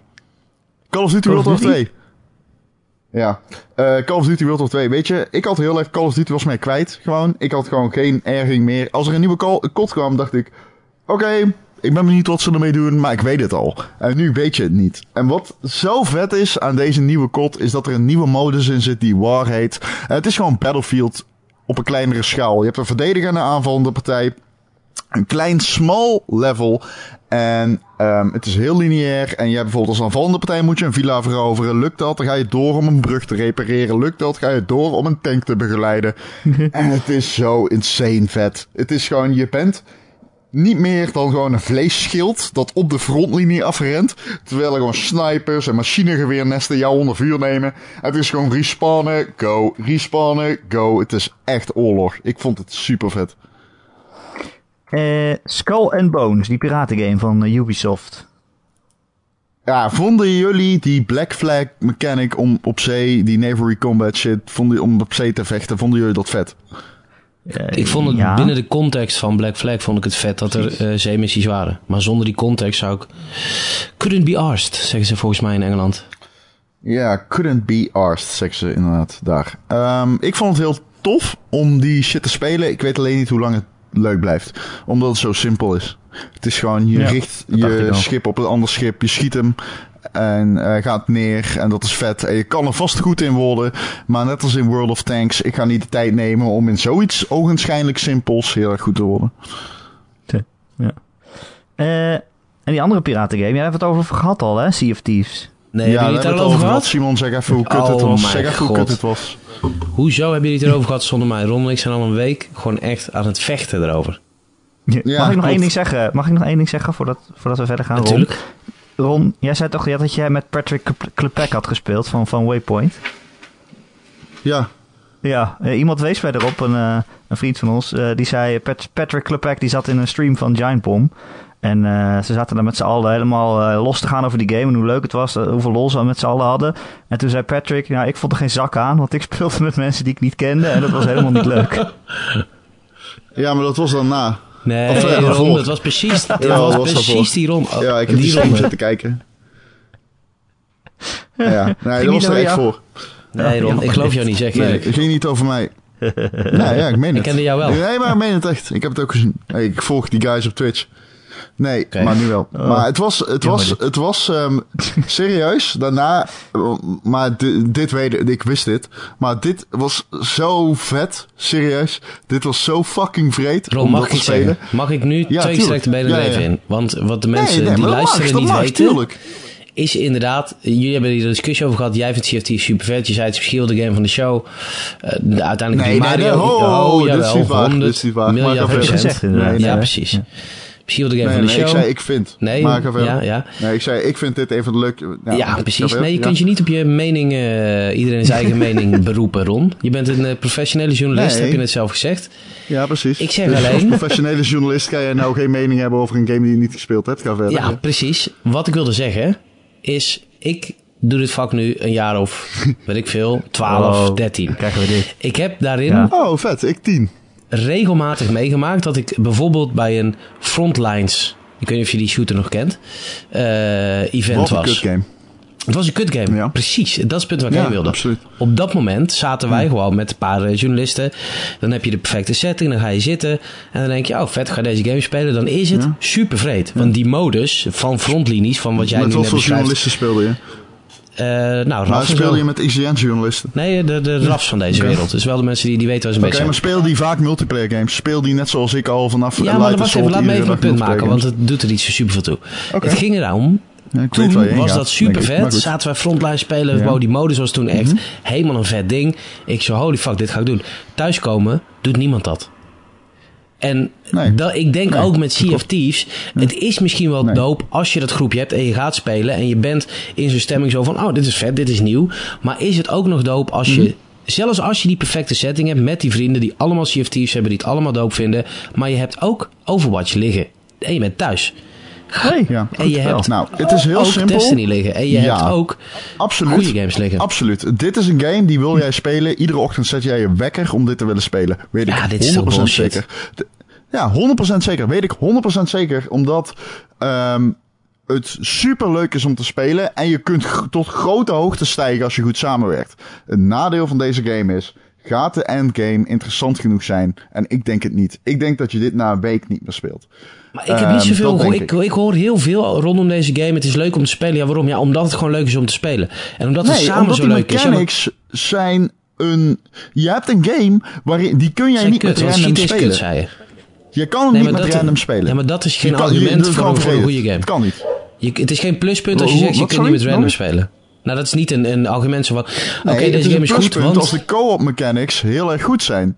Maar Ja, dat eens. betekent dus, omdat die co-op mechanics zo eenduidig zijn, dat jij moet communiceren en dat kan niet met randoms. Als jij deze game koopt in je eentje en je zegt, eh, ja, ik ga met Johnny, Anita en Johan spelen online. Nee, en ik, eh, snap, ken ze, ik, ik snap dat jij je, je punt ik probeert te maken van... Oké, je kunt dit niet spelen met randoms. Dat kan best zijn. Alleen dat ze- is op geen enkele manier iets wat voor of tegen kwaliteit of fun eh, van deze game spreekt.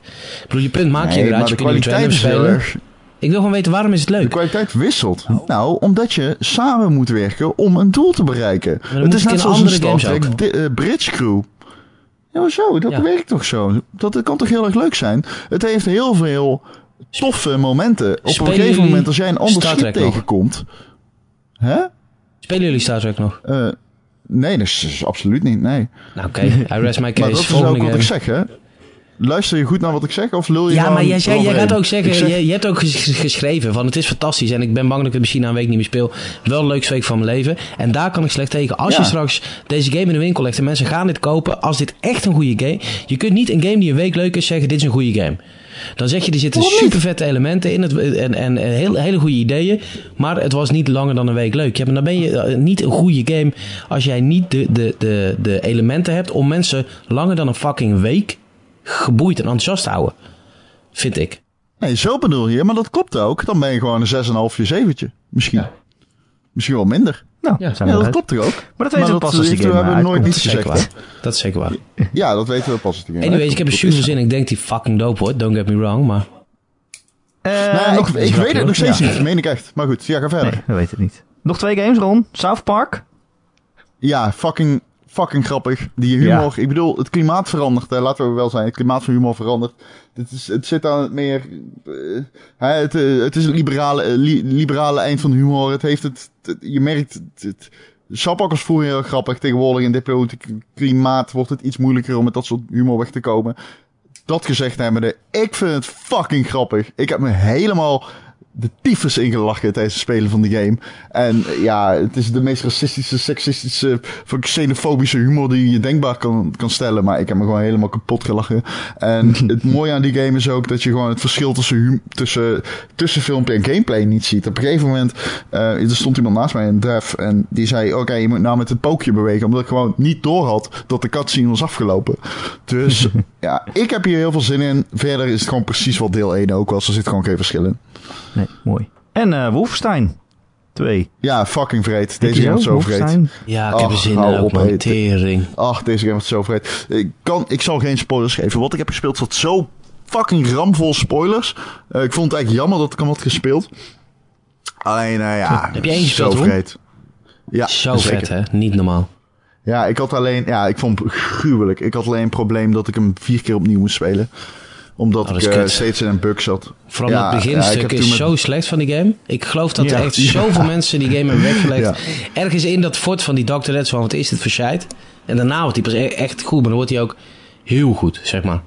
Hij was echt heel goed. Ja, ik heb hem alleen, ik kon hem geen, eh, ik kon hem geen heel hoog cijfer geven omdat ik alleen maar game, eh, gameplay breaking bugs had. Maar dat staat ook in de recensie. Maar ja, het was Zonde. een van de, ik, ik was zo erg hyped voor die game.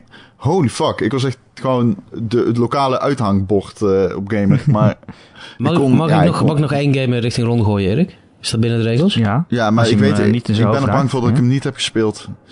Eh Evil Ik Within ben er bang 2. voor. Heb ik niet gespeeld. Daar had ik geen tijd voor. Ik Was moest die wel speelbaar daar? demo al. Volgens mij wel.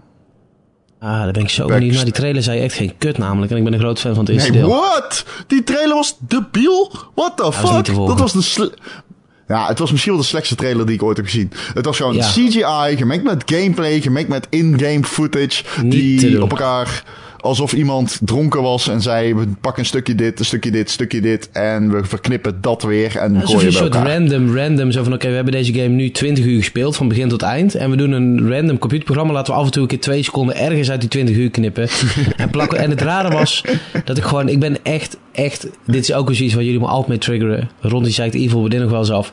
Ik vind het, eh, Evil Within vind ik echt een fucking gruwelijk goede horror game. En zelfs ik zit dit te kijken en ik denk, eh, ik bedoel, ik ken die game van binnen en van buiten. En dan kijk ik zelfs naar, naar dit tweede deel en denk ik, A, ik weet niet wat ik zie. B, wat ik zie is alle weirde shit in één, die die, zeg maar, 2% van de hele ervaring behelsde. Ik heb gewoon geen enkele Ja, laat allemaal Mikami. Maar ik heb er wel zin in. Ik heb er wel zin in. Ja, goddamn, Toch zeker. weer. Maar jammer dat ik Eh, niet heb. Zeker. Laten we tot slot nog even eh, eh, een rondje doen. Welke game van E3? Niet zozeer wat was het beste of zo. Waar heb je gewoon het meest zin in? Welke game die we gezien hebben? Simon. Ja, ik wil, als ik het, eh, ik vat die vraag zo op. Oké, je mag nu één game die aangekondigd Jij is mag nu spelen. één game spelen. Metro ja. Prime 4. ja, maar daar heb je niks van gezien. Nee, maakt niet uit. ja, het is. Metro Prime. Nee, Fuck ja, it. snap het. Eh, Ron. Ja, ik vind dit fucking moeilijk. Ja, Omdat ik ik, eh, Call of Duty vond ik super vet. Wolfenstein vond ik super vet. Sea Thieves vond ik super vet. Ehm, als ik nu moet kiezen, dan ga ik voor Super Mario. Omdat die game had Oeh, voor mij ja, alles ja. wat een goede game moet hebben. En ik durf nu al te zeggen dat dit een klassieker... Ik durf gewoon bijna nu al te zeggen dat dit een klassieker wordt. Ik, vind gewoon, ik vond het zo vet. Ja, I don't know. Ik heb niet zo heel veel met Mario, maar dit was zo fucking goed. Ja. Ik zou, bijna, ja, ik zou bijna eigenlijk ook Mario zeggen. Maar ik denk, ik heb toch meer... Als ik nu iets mag spelen, dan is dat Spider-Man. Ik vond dat er toch wel echt super vet uitzien. En ze zeiden ook in interviews daarna van... Ja, die quicktime dingen, dat is maar heel soms. En eh, alleen maar om dat soort grote spektakelstukken. En verder is het gewoon een open wereld... waarin je met Spider-Man rond, eh, eh, rondslingert. En dus heb ik er erg veel zin in. Journalistiek echt gezien zou het het allerziekste zijn om nu gewoon lekker and Evil 2 full version te spelen. Ja, Ja. ja, ja, ja. Maar ja, die bestaat... hij ja, maar ja, dat hij nog Simon, niet je weet, hij komt pas in ontwikkelen. 2032. Ja, Dus, echt. En hij eh, moet teleurgaan stellen. Dat kan niet anders. Hij kan niet, nu al niet meer anders dan teleurstellen. Nee. Nee, het en het wordt een Kid Icarus. Dus eh daar kun je ook nog... eh Ja, dat is mijn, mijn verkoopt Achilleshiel van dingen 10 die ik haat. in Nederland. Ja, ik haat het. Killer Instinct is ook zoiets. Hè? Hoe dan? Ja, de Ron die gebruikt het voorbeeld van games waar de, de vocal minority op internet super graag vier jaar lang over roept dat ze Oh, het moeten ja. hebben. En dan niet kopen. En Killer Instinct is ook zo'n voorbeeld. Ja. Zo'n game- Ja, Mirror's Edge ook. Ja, Mirror's Edge slecht. ook. Ja. iedereen roept dan van ik moet hem hebben, ik moet hem hebben. Hij is uit. Ja, ik moest hem niet echt hebben, maar ik wilde gewoon graag die... Nee, je had... Maar als die game gewoon niet goed is, dan...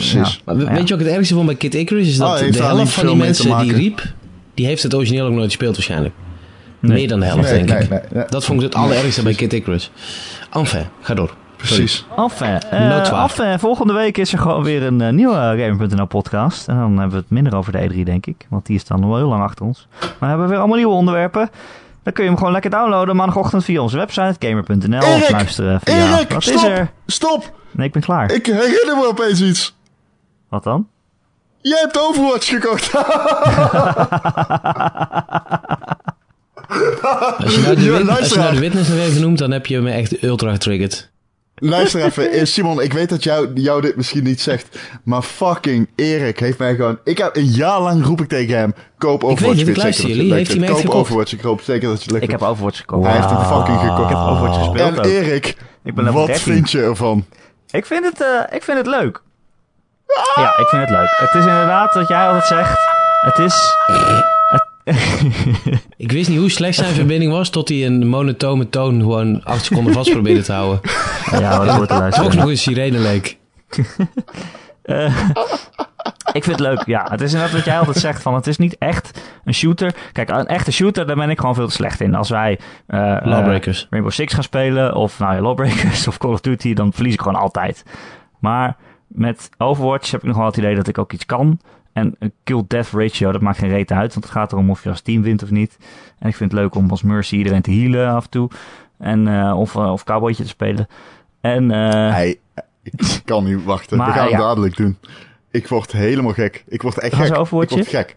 Ja, ja, maar ik dan krijg je dus dit probleem dat mijn levensstijl past daar gewoon niet zo goed bij. Want ik heb de hele week straks avonddienst. Maakt niet uit, en, je stopt ik een maar. keer wel s'avonds Maar thuis ben, ik Nou, met mijn je vriendin dumpt er maar. praten. Dumper, Dus ik dumper. ga het nooit spelen. Maar dump je werk, dump je relatie, dump je huis, dump alles. Ga in een doos Nee. wonen, zorg dat je wifi hebt. 4G is goed genoeg.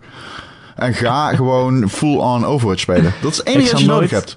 ik zal nooit zo verslaafd worden dat ik dit alleen maar dit ga spelen. Maar ik vind het wel gewoon leuk om met jullie te spelen. Met eh, onze vrienden. En, eh, en dan gaan we af en toe een avondje overwatchen. Dat is leuk. Dat vind ik, ik vind het leuk. Ik vind het leuk. Volgende week, Erik, geen huis meer. Alles de opgegeven Overwatch, voor de 5G. Overwatch podcast. Geen baan meer. Eh, nou, dat horen we dan volgende week wel weer. Dan kun je hem downloaden via onze website gamer.nl of luisteren via eh, Soundcloud of direct downloaden op de website. Of eh, weet ik veel, Stitcher of andere eh, podcast eh, abonnementen zoals iTunes. En als je toch geabonneerd op iTunes, vind ik het ook heel leuk als je een keer een recensie achterlaat. Een aantal sterretjes, misschien een tekstje over wat je van ons vindt. En eh, Ja, heb je een vraag of een opmerking voor de podcast, een onderwerp dat je graag wil dat wij een keer behandelen, dan kun je mij mailen erik.gamer.nl, erik met een k.gamer.nl of je laat een berichtje achter onder het artikel waar deze podcast in staat op maandagochtend. Dat kan gewoon de hele week, wij checken dat zeker. En dan eh, nou, komen we daarop terug. Simon, dankjewel dat je halverwege te gast wilde zijn. Ik eh, bedank je ook half, Erik. Ik zou een Odyssey afleggen om jouw Mario te mogen zijn. Ah, lieverd. Zeg ik eerlijk. Ik vind dat liedje trouwens van, Oh, van Mario. wat cute. Dat liedje vind ik zo Oh. vet. Was dat, niet Jazzliedje? maar was dat niet de intro van de nanny? Dat dacht ik namelijk. Als je, als je die twee naast elkaar zet, is het gewoon letterlijk hetzelfde, maar dan met andere tekst. Oh, nou, ik dacht op een gegeven moment ging zeggen, The plumber named Mario. ja, leuk liedje. Ron, jou ook weer bedankt dat je terug bent gekomen uit de Lee en niet daar met gaan wonen. Bedankt Erik, jij bedankt je met de stralende ster. Net zoals een Mario, die moet verzamelen. Dan ben jij de maan, de powermaan. Mm. Oh, de powermaan. Die met mijn powermaan. En uh, tot volgende week. Tot volgende week. Doei.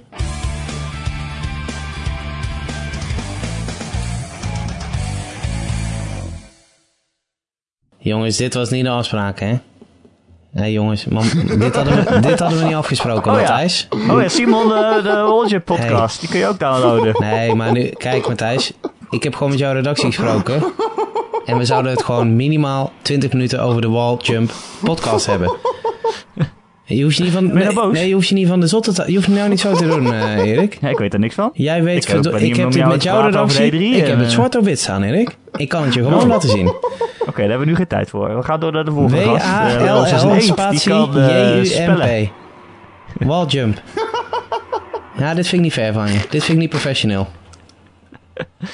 Oh. Tot zover, tot morgen!